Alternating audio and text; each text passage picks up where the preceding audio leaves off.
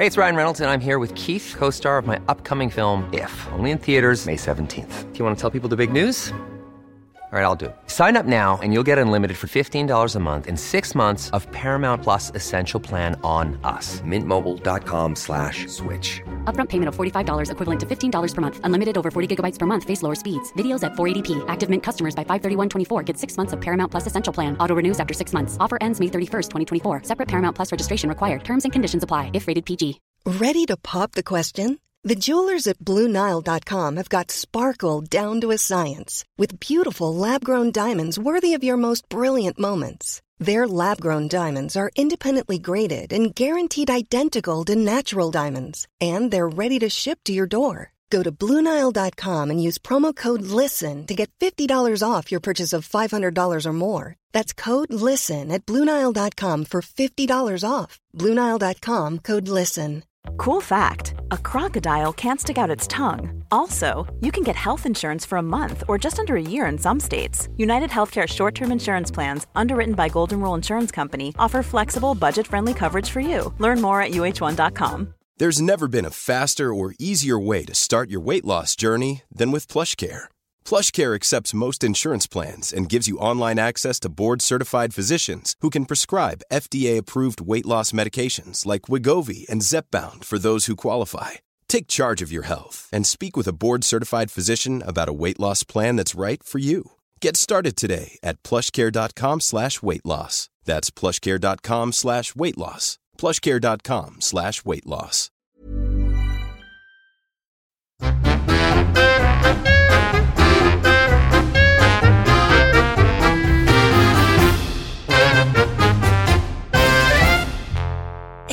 Hej och välkomna till uh, Inte din morsa. Hej Sanna! Hej Ann! Hur är läget?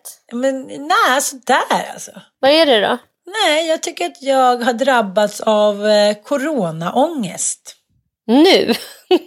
så tre, förlåt att jag skrattar men det, var, det tog eh, tre månader innan poletten trillade ner. Ja, men, men det handlar nog inte mer om det. Det handlade om att eh, jag menar inte att jag lever liksom ett struckat liv i vanliga fall, men jag lever ändå mitt på sitt sätt struckade liv. Men nu är ju allting totalt satt ur fas liksom.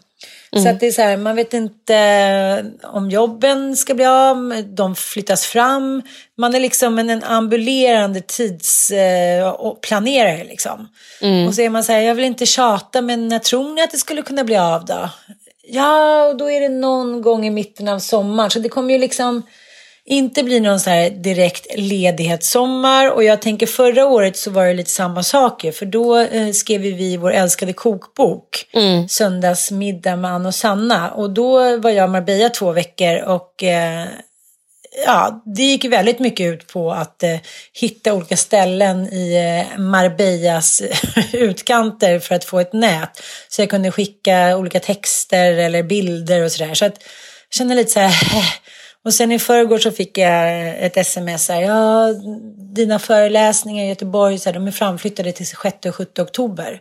Mm. Och det var ändå liksom, det som har suttit och jobbat med, med, med liksom någonting jättemycket. Och dels var det liksom lite, ja men du vet, min sommarpeng. Mm, gud ja. Ja, och vadå, jag, jag kommer inte kunna få in det gigget innan den 15 juni när vår bransch bara, ursäkta uttrycket, men så fucking dör. Och den är ju redan död, så att det, då kände jag lite så här, äh. Det är så bisarrt att det tar ju liksom tre månader innan det ger effekter för att man, vi är ju frilansjournalister och eh, för er som lyssnar alltså, det vet vi att vi är, men Eh, det, det, är en mm. bransch där man eh, aldrig är bättre än sitt senaste jobb och en bransch som hela tiden går ut på att man ska sälja in sina jobb, alltså knäck. Eh, man kommer på idéer som man presenterar, pitchar och förhoppningsvis lyckas sälja. Och sen kan man ju hamna under stunder av livet där man är då extra åtråvärd eller het beroende på att man ja, har gjort någonting riktigt bra så att alla rycker och drar i den. Men jag menar, det här är ändå ett kvarnhjul som du och jag har dragit runt i. Ja, jag sedan jag var 26 och började frilansa och du tidigare än så liksom. Mm, mm. Och det är en rätt osäker business, men jag kan säga att så här, som det är nu så har det aldrig varit för att alla våra stora arbetsgivare har ju varslat i stort sett en tredjedel av sin personal på Schibsted, eh, på Aftonbladet, på eh, våra största kunder. Liksom. De enda som står eh, stadigt fortfarande det är Sveriges Radio egentligen och SVT och jag har ju den stora turen att programleda Karlavagnen men det gör jag ju bara under kontrakt årsvis så att man får ju se. Allt är ju extremt osäkert just nu. Och då blir det också lite så att när man är frilansare i tider av kris mm. då är det då är man degraderad till att vara en frilansare på alla plan. Ja, men nu har jag ett viktigt jobb som jag går till, liksom 9 to 5 så att då är det så här, då får du liksom lägga manken till lite mer. Fast det är väldigt paradoxal inställning som det är precis tvärtom. Och jag tror att man här, har försökt köra is igång för att det har ändå funnits jobb kvar. Sen är det vissa som Alexandra Pascalido som är sådär, går ut med att hon inte har ett jobb kvar. Liksom, hon har ingenting bokat fram till oktober. Och så kanske det liksom inte riktigt har varit för oss. Men det är ändå att man ligger i. Du och jag håller på att pitcha idéer. Alltså man pitchar en ny stor idé en till två per dag. Liksom. Så det är inte heller att man kan ligga på latsidan. Så jag, jag tycker att jag tror att pressen, inte att det är corona utan mer att det bara drabbade mig att säga fuck, det här kanske pågår forever and ever. Jag menar inte att man är för fin och inte kan bryta bransch, men det var lite så här, när man hade någonting bokat och tänkte så här, ja, den är i alla fall kvar och den är min sommarpeng. Så bara, nej. Mm. Och så hade hon som hade liksom bokat den, hon eh, är ungefär lika oteknisk som jag, så hon hade bara skickat eh, smset till hon, den andra kvinnan som skulle vara med, så jag hade inte ens fått det. Så när jag skickade hela mitt upplägg till henne och så här, skulle bara vilja ha en liten beskrivning på dig, hon bara, va? Men då har du inte fått smset? Det blir ju inte av. Så då hade inte hon lyckats skicka det till mig, så jag visste inte ens om det. Åh. Ja, Fan vad sugt. Men... Vad, vad tråkigt. Ja, ja.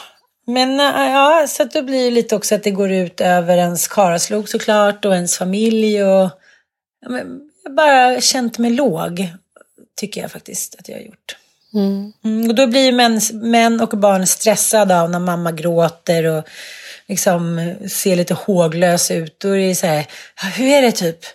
Ledsen. Ah, okay, älskar dig, krama, pussa lite. Jag måste gå till skolan nu. Det här är liksom inte vardagsmat för mina olika åldrar på karlslokar. Det liksom funkar inte riktigt när jag går ner i moll. Men vet du vad jag tror? Nej. Det är det som är så här, om man vill se på coronan ur någon form av annat perspektiv än att den är bara hemsk och att det är eh, ett jävla virus, här, utan tänker att det är ur något andligt perspektiv att det här är något öde som vill eh, säga oss någonting, så tänker jag att så här, för din del, det här kanske liksom är bra.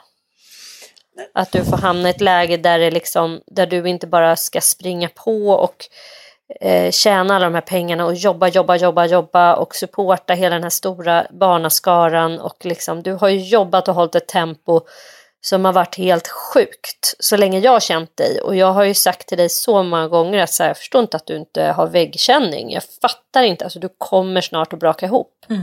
Det här kommer inte gå. Så här. Och eh, det här kanske är lite grann vad som behövs för dig, att det faktiskt inte går att bara springa på och tacka ja till allt för att du också är en så här du är impulsiv och du tackar ja till saker för du tycker allt känns roligt och det är så kul och hopp och hej och tjo och kim och så nu bara, nej, nu går inte det. Men samtidigt, så här, jag tycker det där är så svårt. Jag förstår liksom filosofin i det där att så här, ibland måste man få åt sig en smäll för att så här, ta och lugna ner sig. Men den är också svår tycker jag. Det är så här, jaha, men, men det, alltså, liksom, jag förstår att det går. Man kan ju säga downsiza, man kan hitan och ditan. Men jag tycker att det är svårt. Hur downsizar man i sista minuten? Det är den som jag inte riktigt kan liksom samsas med. Så annars kunde det varit så här, okej, okay, men då gör vi så här nästa sommar. Att då bara softar vi och hemma och bla bla. Men nu är det så här, man har planerat någonting och sen så eh, har man liksom budgeterat och sen så försvinner hela jävla budgeten. Man bara, okej, okay, wow, vad gör jag nu? Eh, knypplar och säljer så här, eh, ingen vill köpa ens tjänster. Förutom de ja, sexuella, men de är jag inte. Jag kanske kan sälja till Mattis. Nej. sälja till Mattis. Han är inte tät ju. Nej, det är sant. Äsch, det löser sig. Men jag har fan varit riktigt låg. Alltså, du vet så att man, man blir så trött när man blir deppig också. Men så här, ligger lite i sängen och sen så bara boink så kan man somna. Det kan ju, att jag skulle sova på dagen, den är ju bara så här skrattretande. Men nu har det varit så här, ja men du vet, och det, jag fattar att det är jävligt lätt att hemfalla åt det där. att man bara så här, nu ligger jag bara här. Och det kanske man inte kan göra någonting åt om man mår riktigt dåligt, men det finns någon lockelse i att bara så här buckle in och så här, tune in och krypa under täcket och ligga och kolla på normala människor. Liksom. Är det inte den känslan som når en när man känner så här, fan jag, alltså när man, du är också trött, du är fysiskt trött, du har liksom mm.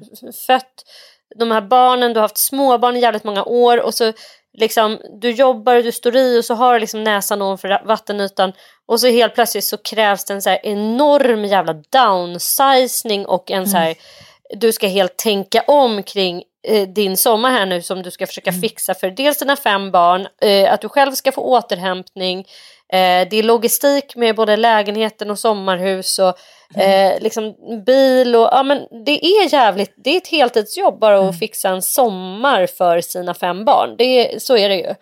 Eh, och så ska du då bara helt plötsligt eh, tänka om och det är sjukt ansträngande. Och du är redan trött så det är klart att jag, jag förstår precis den där känslan av att jag orkar inte, ingenting mer orkar jag, nu lägger jag mig bara Nej. här. Nu orkar, och, så, ja. och jag tar på mig det mesta själv, att det är lätt att så här, kasta skit på sin familj när man känner sig eh, ska säga, när man känner sig otillräcklig. Men då tycker man också, jag tänkte på det när du och jag poddade i söndags kväll. Mm. Och eh, klockan var ganska mycket, typ halv tolv. Och helt plötsligt sitter det liksom fyra bortskämda jävla unga, ungar och snubbe inne i vardagsrummet där jag poddar. En står i kalsonger som Vanheden och bara Kan jag få om laddare nu? Mattias.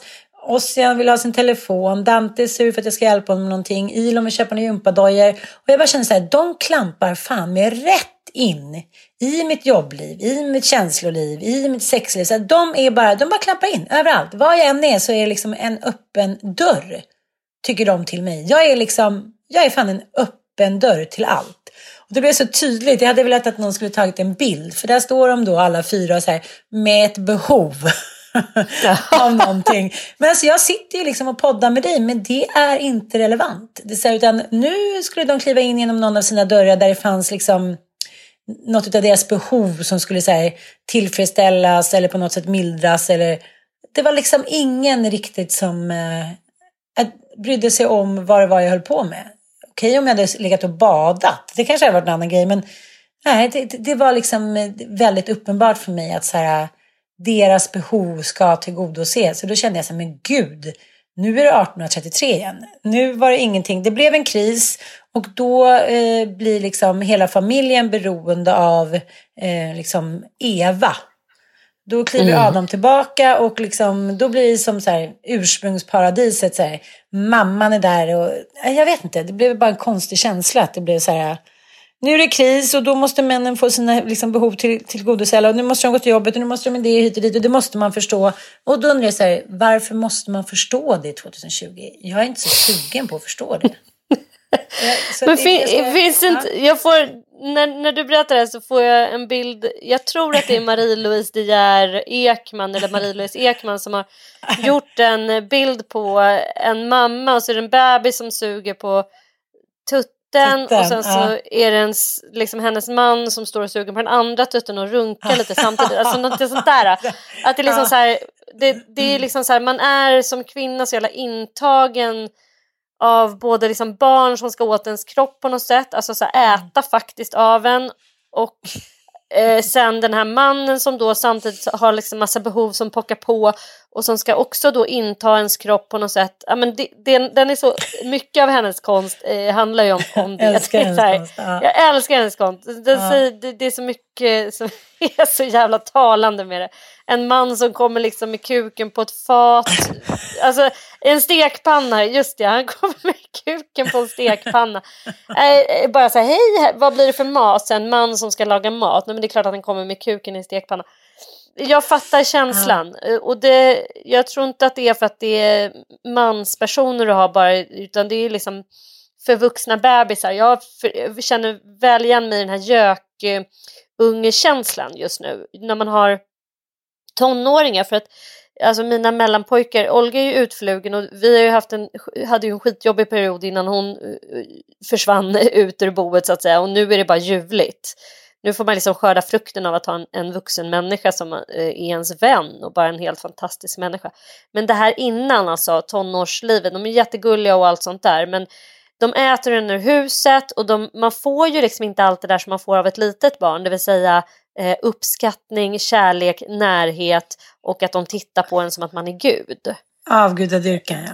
Mm, mm. Nej, det man får nu av det här tonårsbarnet det är så här, eh, äcklade ögon, titta på en och tycker att man bara är äcklig när man äter, de vill inte mm. se ens fötter, de är så här, går och luktar på, du vet så här, går och tittar på mina händer när jag lagar mat så bara, alltså du har skitiga händer. Man bara, nej det har jag inte. Jo det är skit där. Nej men det ser ut så för jag har liksom grävt i jorden och då går det inte. Nej men du vet det är bara så här, en mm, känsla mm. att, de ger en en känsla att man är lite småäcklig hela tiden. Smutsig. Och att man är lite smutsig. Och, eh, och sen vill de ju bara ha saker. De äter ju och äter och äter både ur ens plånbok, ur ens kylskåp och ur ens liksom bilkörarkonto, ja, men allting. De vill ju bara ha alltså äta upp en bokstavligen. Men jag tycker det där är svårt.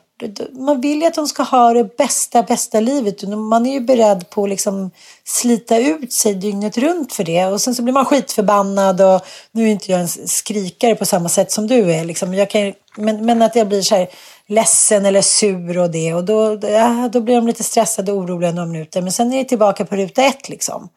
Behoven. Ja, men och sen den här devisen att så här, barn gör inte som man säger, barn gör som man gör. Och den mm. jävla devisen måste jag bara eh, vänligt men bestämt eh, helt eh, förkasta. För att mina barn, jag tycker till exempel att Ja men eftersom jag då är en sån, eh, vad ska man säga, behovtillfredsställare eh, som mm. den medberoende personlighetstyp jag är, att jag har väldigt mm. svårt att se andra människor som är i behov av saker. Jag har istället för att ha svårt, alltså missbrukspersonligheter har ju svårt med, alltså de vill ha direkt behovtillfredsställelse.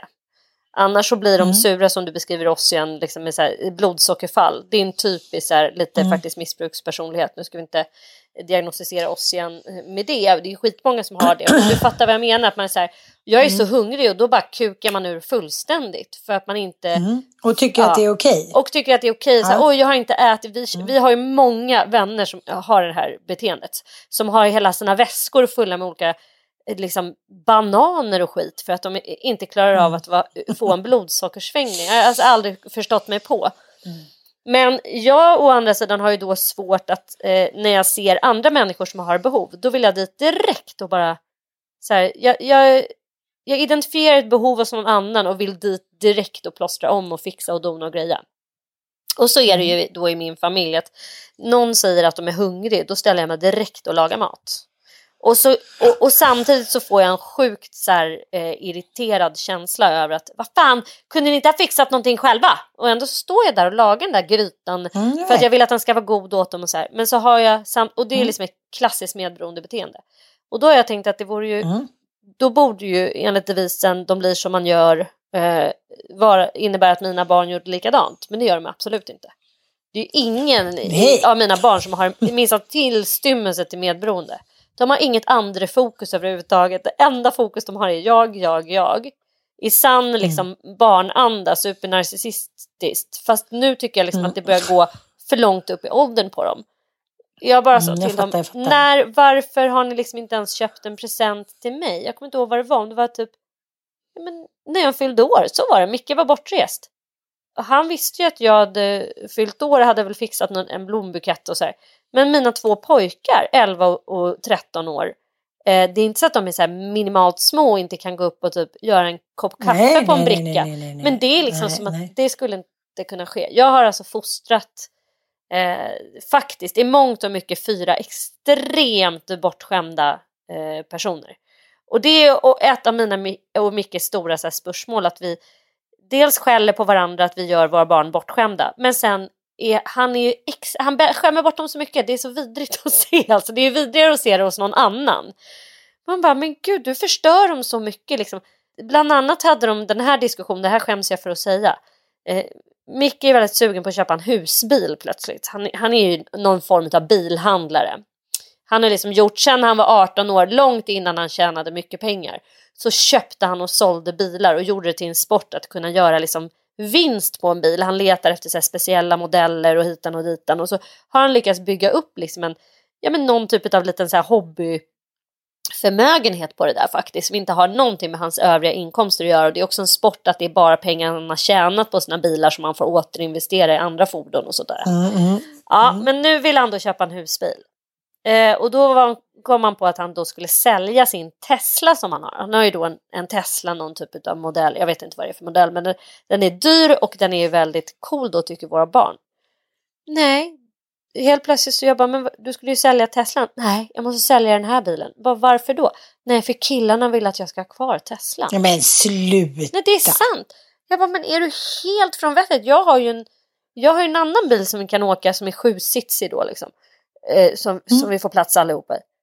Är, den bilen duger gott. Nu säljer den där, nu köper vi en husbil. Det är jätteroligt att ha en husbil i sommar. Nej, jag kan inte sälja den. Killarna, du vet, han är så torsk på sina egna barn. Det är liksom helt sjukt. Så de styr och ställer med honom och så tror han att han är en så robust eh, liksom pappa som sätter gränser. Och så här. Nej, liksom, man kommer ner så sitter Foxen och käkar tre chips till frukost och skål glass. Och jag bara, men jag, vi sa ju det att vi skulle gömma dem där. Ja, ja, men det är bara idag. Så här. Alltid när han har dem. Det ska vara mm. superspecial. Ja. Och jag, jag gör exakt samma sak dagen efter. Det är ju någonting med de där minsta barnen också. Att man bara så helt har givit upp. Det är liksom tre stödchips, eh, en flaska O'boy. Liksom, förstår, han är två år gammal och får O'boy. Det har liksom inga av mina andra barn fått. Och så lite Sprite i den här flaskan på det sen. Toppa upp det hela. Ja, men jag tänker också att de man lever, alltså för varje barn så blir man lite, Frasse jobbar ju mycket med att han hittar gamla ostbollar på morgnarna. Så här, vet, man orkar inte ställa undan så är det liksom en liten ostboll. Men han har ju också sitt lilla gömme i eh, köksön där han har liksom ett litet hörn där ostbollarna har gått, åkt ur. Så att det ligger liksom lite lösa och med salta pinnar och där går han ju och hovar i Arla morgonstund. Nej, som, liksom, det är ändå rätt praktiskt. Jag tänkte på det, så här, men hur farligt kan det vara? Det är lite potatis, eller typ så här majsstärkelse, lite så här salt och typ frityrolja. Alltså, det kan väl inte vara helt det är den värdelöst? Nej, men det är bara inkonsekvensen. Liksom. Ja. Det är bara det. Att ja, det, är så här, det blir ju konstigt att aldrig blir som man säger. Jag tänkte på det också när vi var ute och när eh, Eh, när Igor fyllde år. Att Micke han ska bli så upprörd. Nu plockar ni upp det där och nu har ni förstört det här hit och dit. Och han står och ruvar och heter det. Folk som inte känner honom kanske känner som gud, supersträng pappa. Och sen går det två, tre minuter och han har plockat upp det där och det hit och dit och de gör samma sak igen. Man bara, men vad, vad tufft det var. Fast han är ju helt medveten om det. Han bara, nu står jag här och skriker det låtsas någonting men det kommer ju inte ske. Det är liksom som att man på något sätt har kastat in handduken. Ja. Som att det blir ett, liksom, även ett skådespeleri inför sig själv. Det var ja. som jag och Mattias bestämde då att för när han är borta på morgonen då kollar inte de på tv. Nej. Eh, men när han är hemma så gör de det och käkar fram tvn. Och jag tycker bara så här, det ställer till det så mycket. Dels för, för Fralle som har liksom en livlig hjärna på alla sätt. Att han ska sätta igång med scenen så här det är liksom inget bra. Och då sa det, han får inte se den här 13-årsserien som heter Power Rangers. Och jag fattar inte, han hittar de där grejerna och nosar upp och älskar dem så här, ja, men från 13. Nej, nej, nu har mamma sagt det och han säger och han är så arg och han är så stark pappa. Och sen går det typ 22 sekunder så har man kissat så kommer man ut så bara, då sitter han där och kollar på Power Rangers. Och det är liksom, det är inte ens en kamp längre. Mm. Alltså kampen är över, det är bara ett så här, det är bara några ord på vägen och sen det läses ju såklart igenom av barnen på en sekund så att de vet att säg, de behöver liksom inte ens upp till kamp. Själv kunde man ändå vara att man, för jag kan tycka så här, om det är någonting som de verkligen vill ha, okej, okay, förklara det för mig.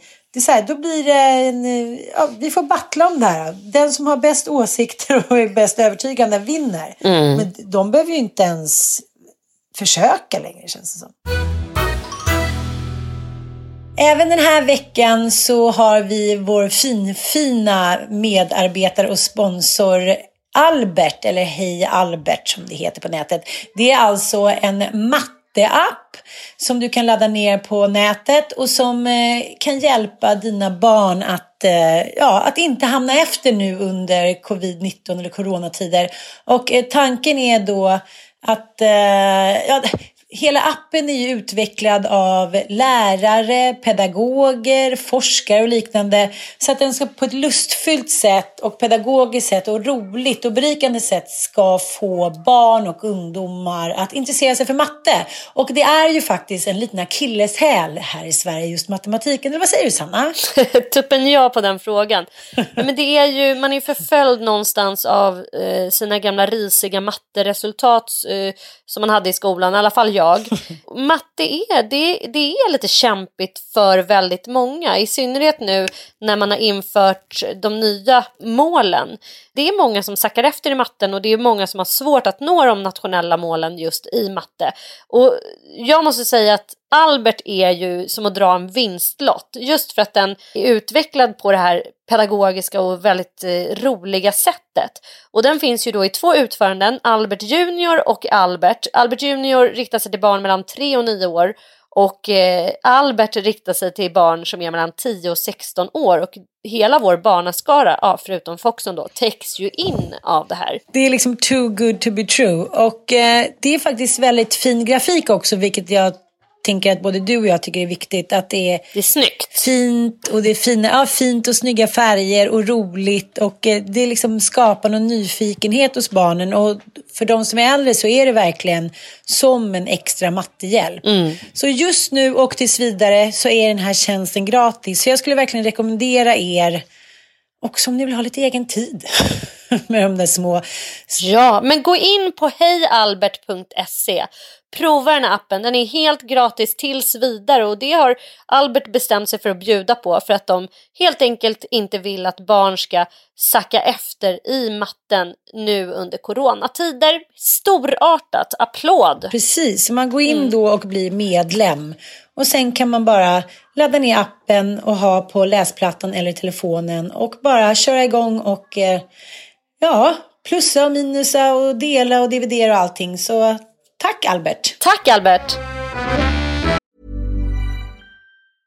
How would you like to look five years younger? In a clinical study, people that had volume added with Juvederm Voluma XC in the cheeks perceived themselves as looking five years younger at six months after treatment. Look younger, feel like you. Add volume for lift and contour in the cheeks with Juvederm Voluma XC. Reverse signs of aging by adding volume to smooth laugh lines with Juvederm Volure XC. For important safety information and to find a licensed specialist, visit juvederm.com. That's J U V E D E R M.com. Not for people with severe allergic reactions, allergies to lidocaine, or the proteins used in Juvederm. Common side effects include injection site redness, swelling, pain, tenderness, firmness, lumps, bumps, bruising, discoloration, or itching. There's a risk of unintentional injection into a blood vessel, which can cause vision abnormalities, blindness, stroke, temporary scabs, or scarring. Talk to a licensed specialist to find out if it's right for you. There's never been a faster or easier way to start your weight loss journey than with PlushCare. PlushCare accepts most insurance plans and gives you online access to board-certified physicians who can prescribe FDA-approved weight loss medications like Wigovi and Zepbound for those who qualify. Take charge of your health and speak with a board-certified physician about a weight loss plan that's right for you. Get started today at plushcare.com slash weight loss. That's plushcare.com slash weight loss. plushcare.com slash weight loss. Life is full of awesome what-ifs and some not so much, like unexpected medical costs. That's why United Healthcare provides Health Protector Guard fixed indemnity insurance plans to supplement your primary plan and help manage out-of-pocket costs. Learn more at uh1.com. Since 2013, Bombas has donated over 100 million socks, underwear, and t-shirts to those facing homelessness if we counted those on air, this ad would last over 1,157 days. But if we counted the time it takes to make a donation possible, it would take just a few clicks. Because every time you make a purchase, Bombas donates an item to someone who needs it. Go to bombas.com slash ACAST and use code ACAST for 20% off your first purchase. That's bombas.com slash ACAST, code ACAST. Det är en ständig eh, pågående process att vara förälder Och det är även en, eh, en av mina spaningar den här veckan. För att jag nämligen blivit faster för andra gången. Ja, just ja. Min eh, lillebrorsa har fått en bebis och ur så många perspektiv så har det varit så himla fint att, få uppleva det. Jag har då träffat den lilla bebisen, det gjorde jag igår. Och, det är bara så underbart att se ny, två nyblivna föräldrar få sitt första barn. Dels för att man ser vilken så här, resa de har framför sig. Att det händer så mycket med en att, genom att bli förälder. Uh. Allt det där som vi då har liksom, ja men våra tonåringar med den här egocentrismen och den egna behovtillfredsställelsen hela tiden och fokus på sig själv och sitt eget och så här. Det sätts ju åt sidan eh, direkt när man omedelbart när man får eh, en liten nyföding liksom. Uh. Och se de här två personerna som bara direkt är så orienterade kring det här lilla, lilla knytet. Mm det är så fint att få se det hos en nära eh, liksom, familjemedlem. Mm. På något sätt. För att det får, det, man har ju tillträde till sin brorsa eller syrra på ett annat sätt än till exempel till en kompis. Liksom. Ja, jo, så är det Och då, då jag, jag fick med mig därifrån som jag tänkte på så mycket och som jag eh, också kunde relatera till. För de var liksom lite så här i chock över dels vad ett sånt här litet barn, liksom, eh, hur starka drifter de har och vilka starka behov de har. Liksom. Eh, både av närhet men också att amma hela tiden i stort sett. Och det kommer jag ihåg var en sån här enorm chock för mig också.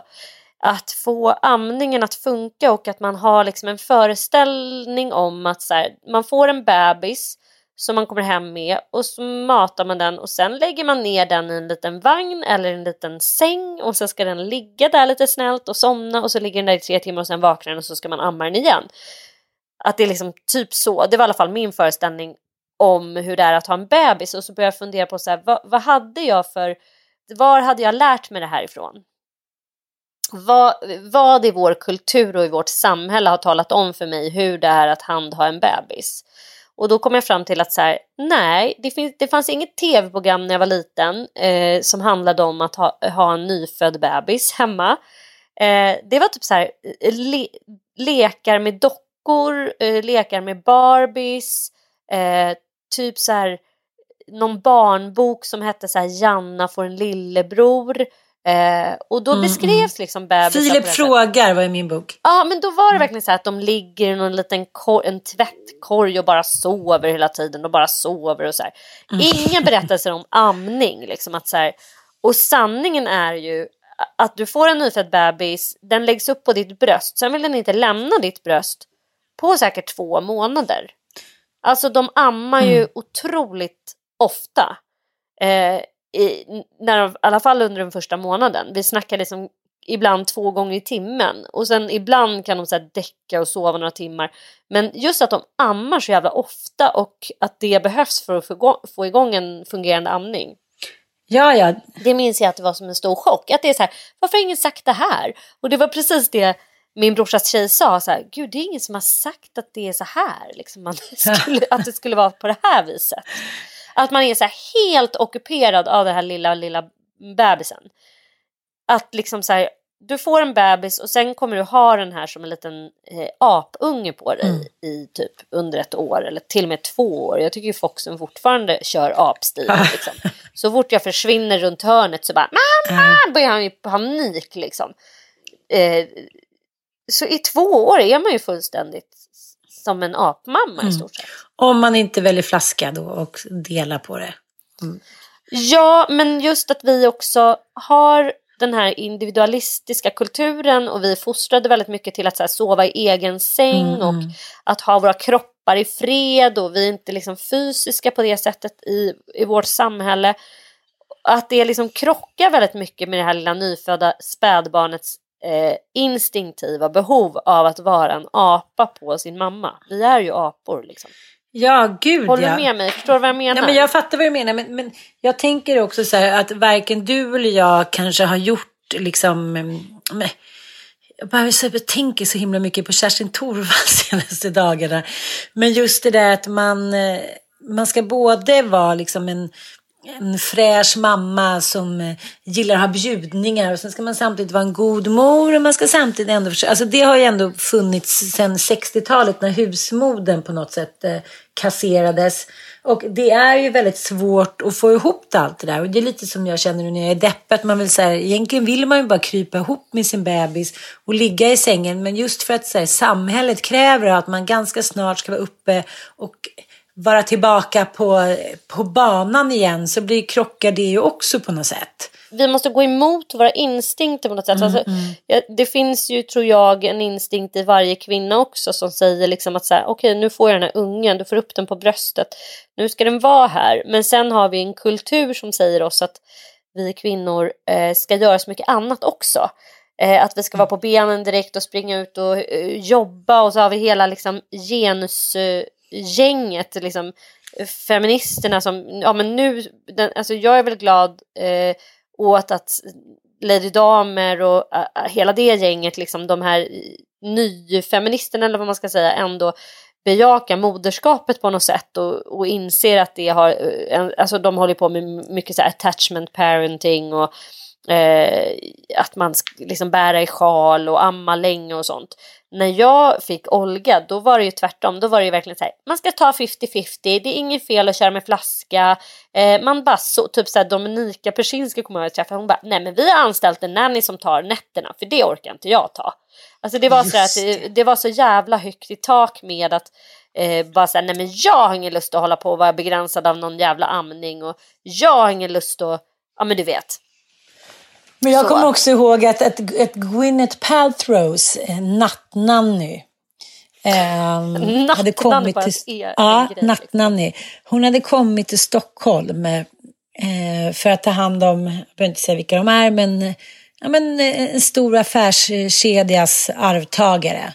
Då kom hon hit och tog hand om dem de första sex månaderna som mamman kunde få sova. Ah. Alltså det skulle vara min största mardröm. Det skulle vara så här, nej men döda mig hellre döda mig hellre än ta mitt barn ifrån mig under natten. Det är fortfarande så. Nu har ju Frans, Frans sovit i själv två nätter här och vaknat upp på morgonen så här vid halv sju och mamma. Och då, alltså jag sover ju som en stock eftersom jag inte har sovit hela nätter på 18 år. Men det är ändå så här, min första instinkt är så här, att han är död. Ja. ja, men för att han inte ligger bredvid mig liksom. Mm. Ja, så det är konstigt. Och jag är lite rädd för det där nu när min småbarnstid är över. Att jag är så väldigt...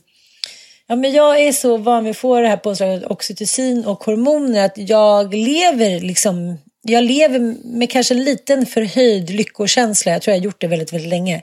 Och eh, nu ska jag bli så här vem som helst. Så nu måste jag säga, kicka in min vanliga lyckohormon. Tyckte att det var ganska roligt i morse när vi, ja men först låg Mattias och jag lite så här, men alltså, det var inget sexuellt. Man ligger och tar lite på varandra. Han tog mig lite på bröstet och hiten och ditan. Det var ingen sexualspel. Det var bara lite så här smek i smek. Och så kommer Frasse och lägger sig. Då börjar han kladda på bröstet. Det var lite apropå eh, Marie-Louise, eh, nej, Mariannes tavla. Att det är så här, ja, men allting går in i allting och sen så plötsligt ska man säga då att människan eh, kan inte vara så beroende, den måste klara av att vara själv. Jaha, nej men det är väl inte så jävla lätt liksom. Men så tänkte jag på ett citat som Madonna sa på, för typ 20 år sedan. Hon sa att så här, ja, men, det starkaste man kan göra är väl att man blir lämnad av någon som säger att de inte älskar en längre, men att man inte faller totalt av det liksom. Mm. Att man har den där styrkan i sig själv, att man kan bli skitledsen och bedrövad och liksom, ja, men, äh, ens drömmar tas ifrån en hit och dit, men att man ändå står upp. Mm. Nu vet jag inte riktigt hur jag kom in på det, men, men äh, jag känner att det, att det är någonting som jag hoppas den här generationen får med sig. Att så här, ja, du, särskilt tjejer, att så här, ja, du kanske hade en kille och han kanske dumpade dig, men så här, du står bra själv också. Och det tycker jag att det tog första gången som jag kanske verkligen kände det. Jag menar, nu lämnar, har jag ju ofta lämnat själv och så relationer, men att, jag, att det är lätt för andra människor internt att man inte står stadigt och man är ensam. Och sen är inte jag någon ensam person, men jag, men jag tyckte ändå att det, det var någonting som slog mig där. att så här, Visst, man kan liksom bli så jävla deppig och man kan hit och dit, men man kan också fortfarande vara man kan vara två olika personer. Man, man kan vara en hjärtekrossad människa, men man kan också veta att man klarar det. Förstår du lite jag menar? Ja, ja. Innan man har gått igenom det, alltså en rejäl dumpning och sen tagit sig upp ur det och, och, och åter erövrat på något sätt en, en, egen platå där man känner att så här, nej, men jag kan faktiskt leva ensam och, och det går alldeles utmärkt för mig liksom att vara singel och inte orientera mig kring någon annan hela tiden. Det är ju en sån där, tycker jag, en eh, Ja, det, vad, vad, kallar man det för? Nej, men liksom det en, då har man ju kommit upp på en ny nivå i eh, Super Mario-spelet livet på något sätt. Att så här, mm. aha, nu klarade jag den superbossen. Mm. liksom, nu klarar jag av att vara ja. själv. Eh, sen vet man ju aldrig heller hur man ska reagera eh, senare i livet. För att så här, alla relationer betyder ju inte lika mycket för en. Det är ju faktiskt så. Eh, vissa mm. relationer är ju lättare att lämna och sen så tänker man, jag, tänk, jag tänker ju till exempel att det måste vara sjukt jobbigt att genomgå en skilsmässa när man har avklarat hela projektet familj. För att innan man eh, får barn så handlar ju livet faktiskt, i alla fall gjorde det för mig, om att mejta med en kar som man kan bilda familj med. Liksom. Eh, mm. Och när man då är färdig med hela den grejen, tänk dig själv om det skulle ta slut för dig nu, när du har fem barn och du vet att du inte, du ska liksom inte bilda familj med en ny man du träffar. Mm. Det tror jag skulle kännas rätt så här, främmande, alltså det är en ny superboss helt klart. Mm. Bara att helt intresserad. men, men, men det är också tycker jag en skillnad Nej, men jag tycker också att det känns annorlunda. Att jag tänker så här, om det skulle bli så att vi separerade. Innan var det sådär, jag menar, när jag, när det tog slut med mig och eh, Nanook, då var jag 40 ändå. Det är så här, jag menar inte att det är någon ålder, men det är lite så här på gränsen. Visst, om man så tutar på och liksom går ut och ligger med någon första kvällen, då är det klart att man kan bli gravid igen. Men det var verkligen en, eh, ska man säga, en vattendelare, man ska säga. Att det var jag visste att jag, min, min tanke var ju inte att jag skulle träffa någon ny och skaffa barn med. Mm, nej, precis, jag förstår. Inte. Nej. Nej, utan det var så här, gud vad kul att ligga runt och jobba och bara leva sitt eget liv, inreda sitt eget Då har du klarat den bossen, Ann. Ja, i och för sig. Men, men, men, men, det var en ganska... Jag tänkte på det häromdagen. Det, var ganska, det kändes ganska speciellt i kroppen. Att jag tänkte så här, om vi inte skulle hålla ihop så skulle mitt primära inte vara att vara snygg och gå ut på krogen och försöka hitta en ny kär. Utan det skulle vara så här, okej okay, då kanske Sanna och jag kan åka till den där grekiska ön och skriva en roman. Då kanske barnen och jag kan tågluffa, då ska jag skriva, alltså det blev mycket mer centrerat på mig och barnen och vänners välmående än att så här, Jaha, alltså männen, jag, jag, tänkte inte, männen fick inte plats i den liksom bubblan av hur livet då skulle bli. Nej, jag förstår. Mm, det var mm. liksom inte alls lika viktigt eftersom jag vet att jag inte kommer skaffa barn med nästa kar. Nej, jag förstår. Och jag kan säga så här, när jag separerade från Olgas pappa, då, mm. jag hade ju en sån här enorm dröm och frihet. Det var nästan liksom som att jag drömde om att flytta hemifrån, alltså på den nivån. Ja, ja, ja. När jag själv flyttade hemifrån, eh, det gjorde jag ju väldigt tidigt från min pappa, jag var bara, hade inte ens fyllt 18, liksom. det var i trean på gymnasiet. Och, och, det var inte så att jag hade behövt sukta efter det eller längta efter det eller bara så drömt om, du vet sådär. Utan jag liksom flyttade dit och sen så ja, bodde jag där på något sätt. Och så träffade jag Ville rätt snabbt. Eller liksom, jag hade väl liksom levt något ungkarlsliv eh, i tre år. Sen träffade jag Ville och flyttade ihop med honom och levde familjeliv i fem år. Men då började jag längta efter att flytta hemifrån. Och det var mm. liksom den där känslan av att få vara helt själv och bestämma över mitt liv. Och det handlade inte om att han var någon bossig eller bestämmande person utan det handlade ju sjukt mycket om att jag hade ett då oupptäckt medberoende som gjorde att jag när jag levde liksom i den här familjen så var ju mina tentakler och mitt andra fokus så jävla påkopplat och jag började få en så här inre längtan efter att bara så här få hitta mig själv och bara så här ja, fokusera på mig själv helt enkelt. Och mm. jag hade så mycket drömmar det där sista året innan vi faktiskt separerade. Om att ha min egen lägenhet. Vet, så här, jag ville bara ha min lilla etta och så här, inreda den och hur jag skulle kunna träffa vänner och bara tänka klara mm. tankar och inte behöva förhålla mig till, eh, till honom. Liksom, så här. Och det handlade verkligen mycket mer om mig än vad det handlade om honom.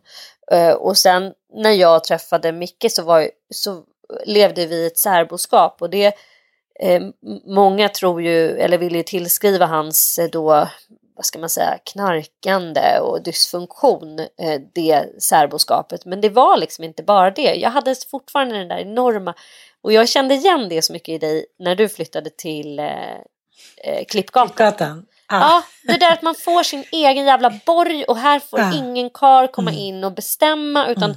Och jag hade sånt fortsatt behov av det där och, och det handlade väldigt mycket om att eh, reda ut mitt medberoende. Att, eh, att klara av att liksom dela livet tillsammans med någon. För att jag känner absolut inte så nu. Jag har ingen sån där Hemnet eh, knarkardröm där jag i, i smyg nej, sitter och kollar på så här. Men nej, så fort nej. det blir de få eh, gånger som jag och Micke haft så här rejäla bråk de senaste åren, det, det händer väldigt sällan.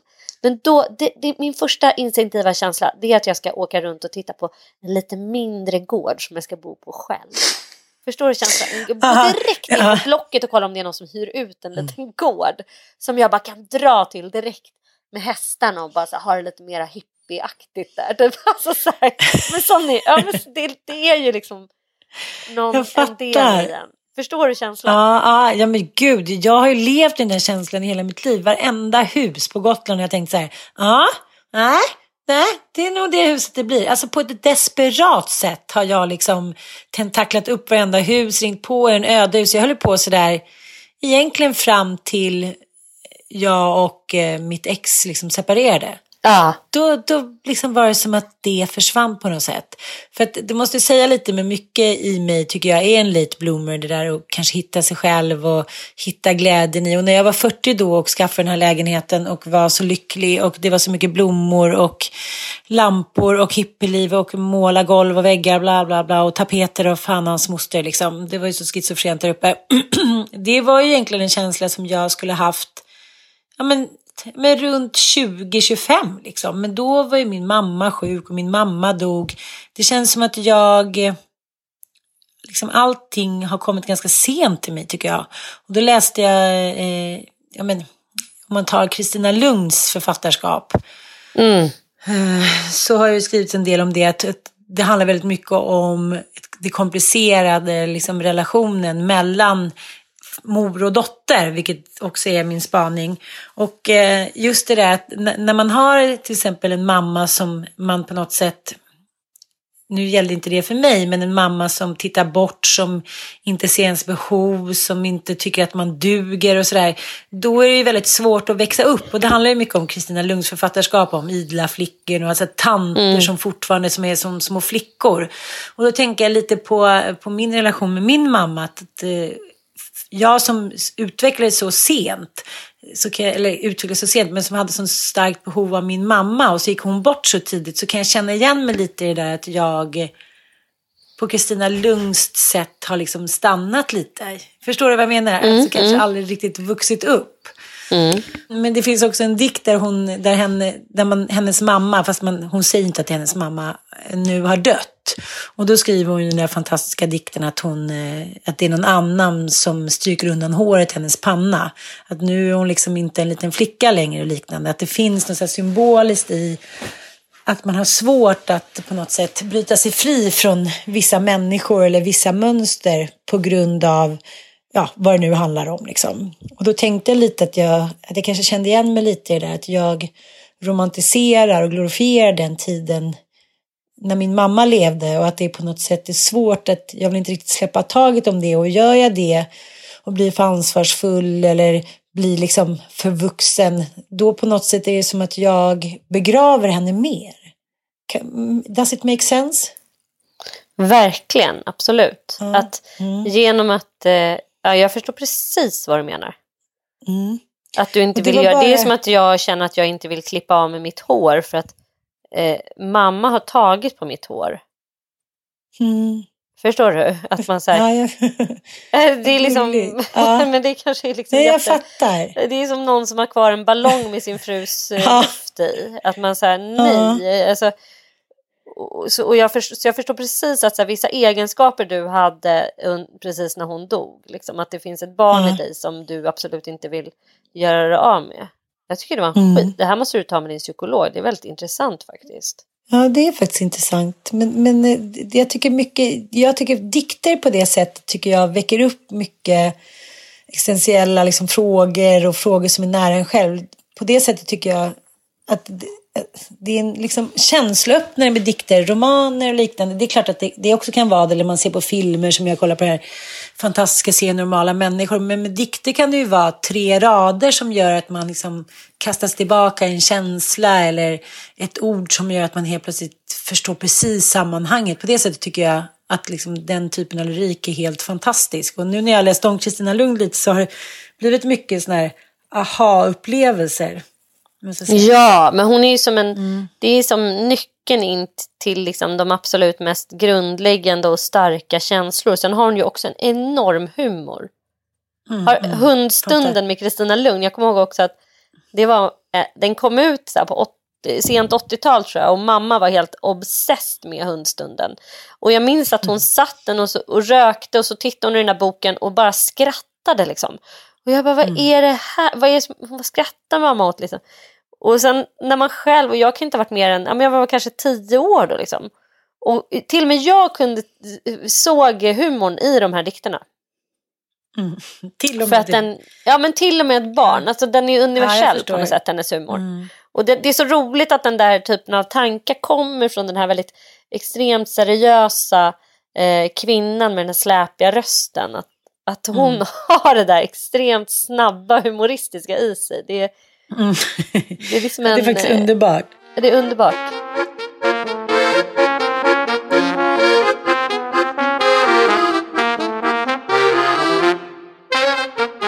Nu ska du snart gå iväg, men först ska vi, tycker jag bara, vi måste göra en liten recap med Paolo Gate. Vi kan inte bara låta det stå okommenterat tycker jag. Eftersom det har tagit Nej. upp så mycket stor del av vårt liv. Det påminner mig lite om känslan av corona, att det är så här, det blåser upp och det är allt man bryr sig om. Och sen ser jag plötsligt en dag så har man vant sig. Nu har ju det gått mycket fortare med Paolo Gate.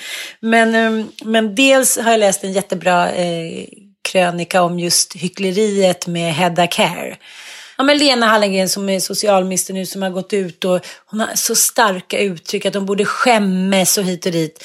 Och så som, eh, som många säger då, jaha, men, men det är ju inte ens att man kan vara sjuk när man går dit och, eh, och, liksom, eh, och tar de här proverna, utan man måste ju till och med vara frisk. Nej, man, vänta, man måste ju redan ha haft det, man kan ju inte ha några symptom. Så det enda det svarar på är ju faktiskt om man har haft det. Så det är ingen sjuk som springer i trapporna här på Hedda Care eller liknande. Det är bara som man säger, det är för att det är Camilla Läckberg. Mm. Denna framgångsrika liksom, snask-snusk-författare då enligt liksom, finkulturen. De kan bara inte smälta att hon ska tjäna pengar. Nej. Eller att det här, det kan inte vara seriöst tycker de när hon är med. Och även om hon tar sin hand ifrån det där som hon har gjort så kan de ändå bara inte se det för vad det är. En tjänst som det svenska samhället och de svenska myndigheterna inte har lyckats med överhuvudtaget ju. Alltså vad är det som händer? Hur går det med deras tester och liknande? Och jag tycker Anders, han, han kan inte ens svara. Det var en tjej på Ekot igår som frågade om på deras eviga presskonferenser så här, vad är det som händer? Varför är det inte fler folk som testas? Ah, nej, jo, nej, han hade liksom inget svar. Eh, jag menar, om sanningen är så att det spelar ingen roll om vi testar för det är så få människor som varit sjuka så det är bara att slänga pengar i sjön. Säg det då, men att privata människor som, som går under av oro inte då utan att så här, bli häcklade för Camilla Läckberg ska kunna gå och köpa sig ett test. Det, det är också sån jävla hyckleri. Jag tänker också på, på Paolo då som... Eh, ja, men det är ju ett år sedan när den nya sexköpslagen kom och då var det ju Liberalerna tror jag bland annat som ville då att lagen skulle skärpas att man mycket lättare skulle få fängelse. Att man skulle ta bort bara då att man fick eh, ja, men, eh, Böter. En bot, ja, en liten bot liksom. Eh, och nej, men det var ingen som tyckte. Det var absolut ingen som tyckte liksom. Eh, det, det var, nej, det var Vänsterpartiet, den här Linda Snecker som tyckte det. Men eh, det var ingen som tyckte. Nej, Utan det, det, det, får vi vänta lite med. Och sen så är plötsligt så är det en känd snubbe som åker fast. Och då blir det liksom, då går det på fem sekunder. ja, men det några månader sedan. Ja, men sju av åtta partier gjorde tummen ner för att ändra det här. Och nu så är det liksom, nu ska politikerna bara för att de har, en kändis har blivit ertappad då. Mm. Då ska den avgöra vilken straffrätt det ska bli. Det är ju inte särskilt imponerande liksom. Så att, det, eh, det där är lite spännande tycker jag. Att, det är likadant med Arnault egentligen. Det var ju ingen ja. som trodde. Leif GW blev ju chockad att han då fick två och ett halvt års fängelse. De trodde ju såklart inte att bevisvärden skulle vara tillräckligt stark. Men det är väl som att de ska statuera exempel då. Men det är ändå ganska sorgligt tycker jag. Att det behövs liksom en känd, Men att man ska göra det till politiskt case. Ja. Nu, nu är det ju mm. speciellt i det här fallet eftersom det inte är så att någon har outat Paolo Eh, det är ingen media som har gjort det utan han har ju outat sig själv liksom. Och där kan, så han får ju liksom stå hund, ja men han får ju bära hundhuvudet själv och så. Men mm.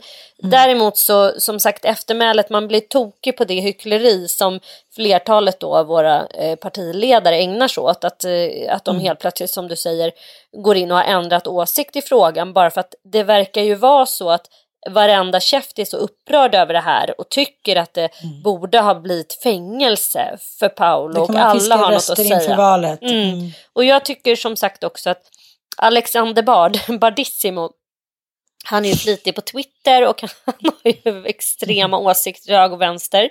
Jag håller verkligen inte med honom i allt. Men jag håller verkligen med honom i den filosofiska tankegången. Eh, liksom att han skrev någonting så här ja, alla ni jävla snutar som sitter där och eh, liksom slår er för bröstet och tycker att ni har gjort en sån storartad insats. Då var det liksom en snut som också dömdes för, fast till och med ja. koppleri, samtidigt ja. som Paolo. Är hans namn outat? Svar nej. Har han en samhällsbärande nej. funktion?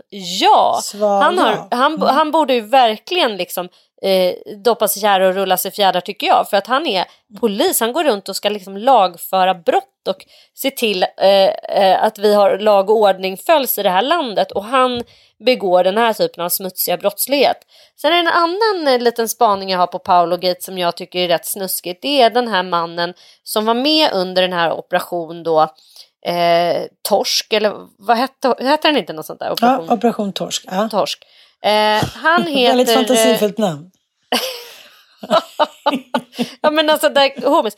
Då, då är det en, en eh, polis eh, som heter Simon Häggström som har uttalat sig i alla medier ja, kring den här operation Torsk. Ja. Var, han var ju, han ledde är, hela operationen. Han, han ledde hela operationen. Den här snubben, mm.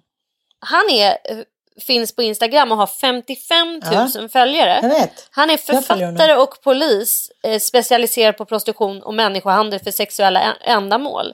På sin Instagram så gör han också reklam då för sin senaste thriller I skuggan av ett brott Oj, eller sånt där. I skuggan av sektor 5. Eh, alla hans böcker då, thrillers, handlar om eh, poliserna Marcus och Natalia som jagar människohandlare i Stockholm. Det vill säga när han går ut och uttalar sig i media om Paolo Robertos case så gör ju han det i egenskap av varumärkesbygge. Alltså han har ju enormt mycket på att vinna som författare och eh, ja, kommersiell, han är ju kommersiell thrillerförfattare helt enkelt. Det här var det tycker jag är, är så snygga, var det där en så, så snygg bild inne på när han står mm. i motljus? Jag ja, det är författarbild. Men gud, oj Jajamän. vad avancerat. Och det här, ja, det här måste jag säga att jag, eh, jag, eh, journalisten i mig går igång.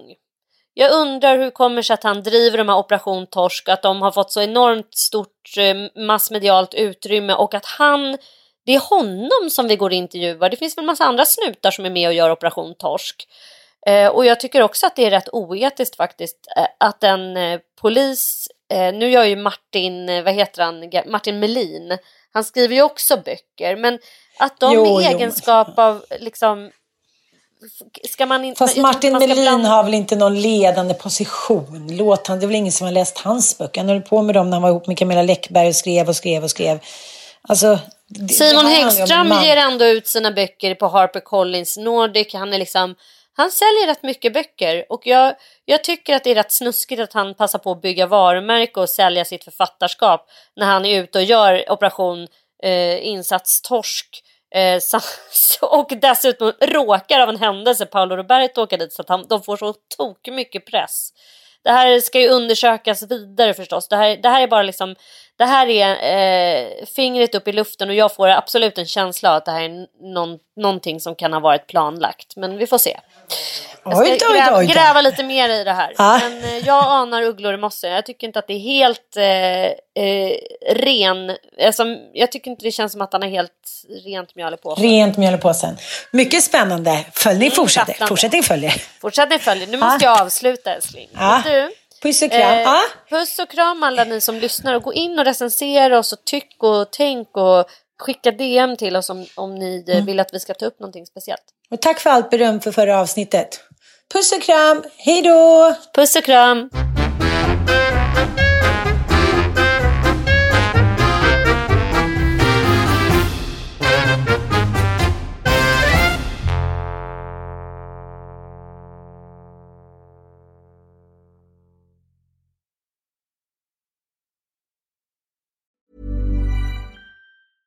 Mom deserves the best, and there's no better place to shop for Mother's Day than Whole Foods Market. They're your destination for unbeatable savings, from premium gifts to show-stopping flowers and irresistible desserts. Start by saving 33% with Prime on all body care and candles. Then get a 15-stem bunch of tulips for just $9.99 each with Prime. Round out Mom's menu with festive rosé, irresistible berry chantilly cake, and more special treats. Come celebrate Mother's Day at Whole Foods Market.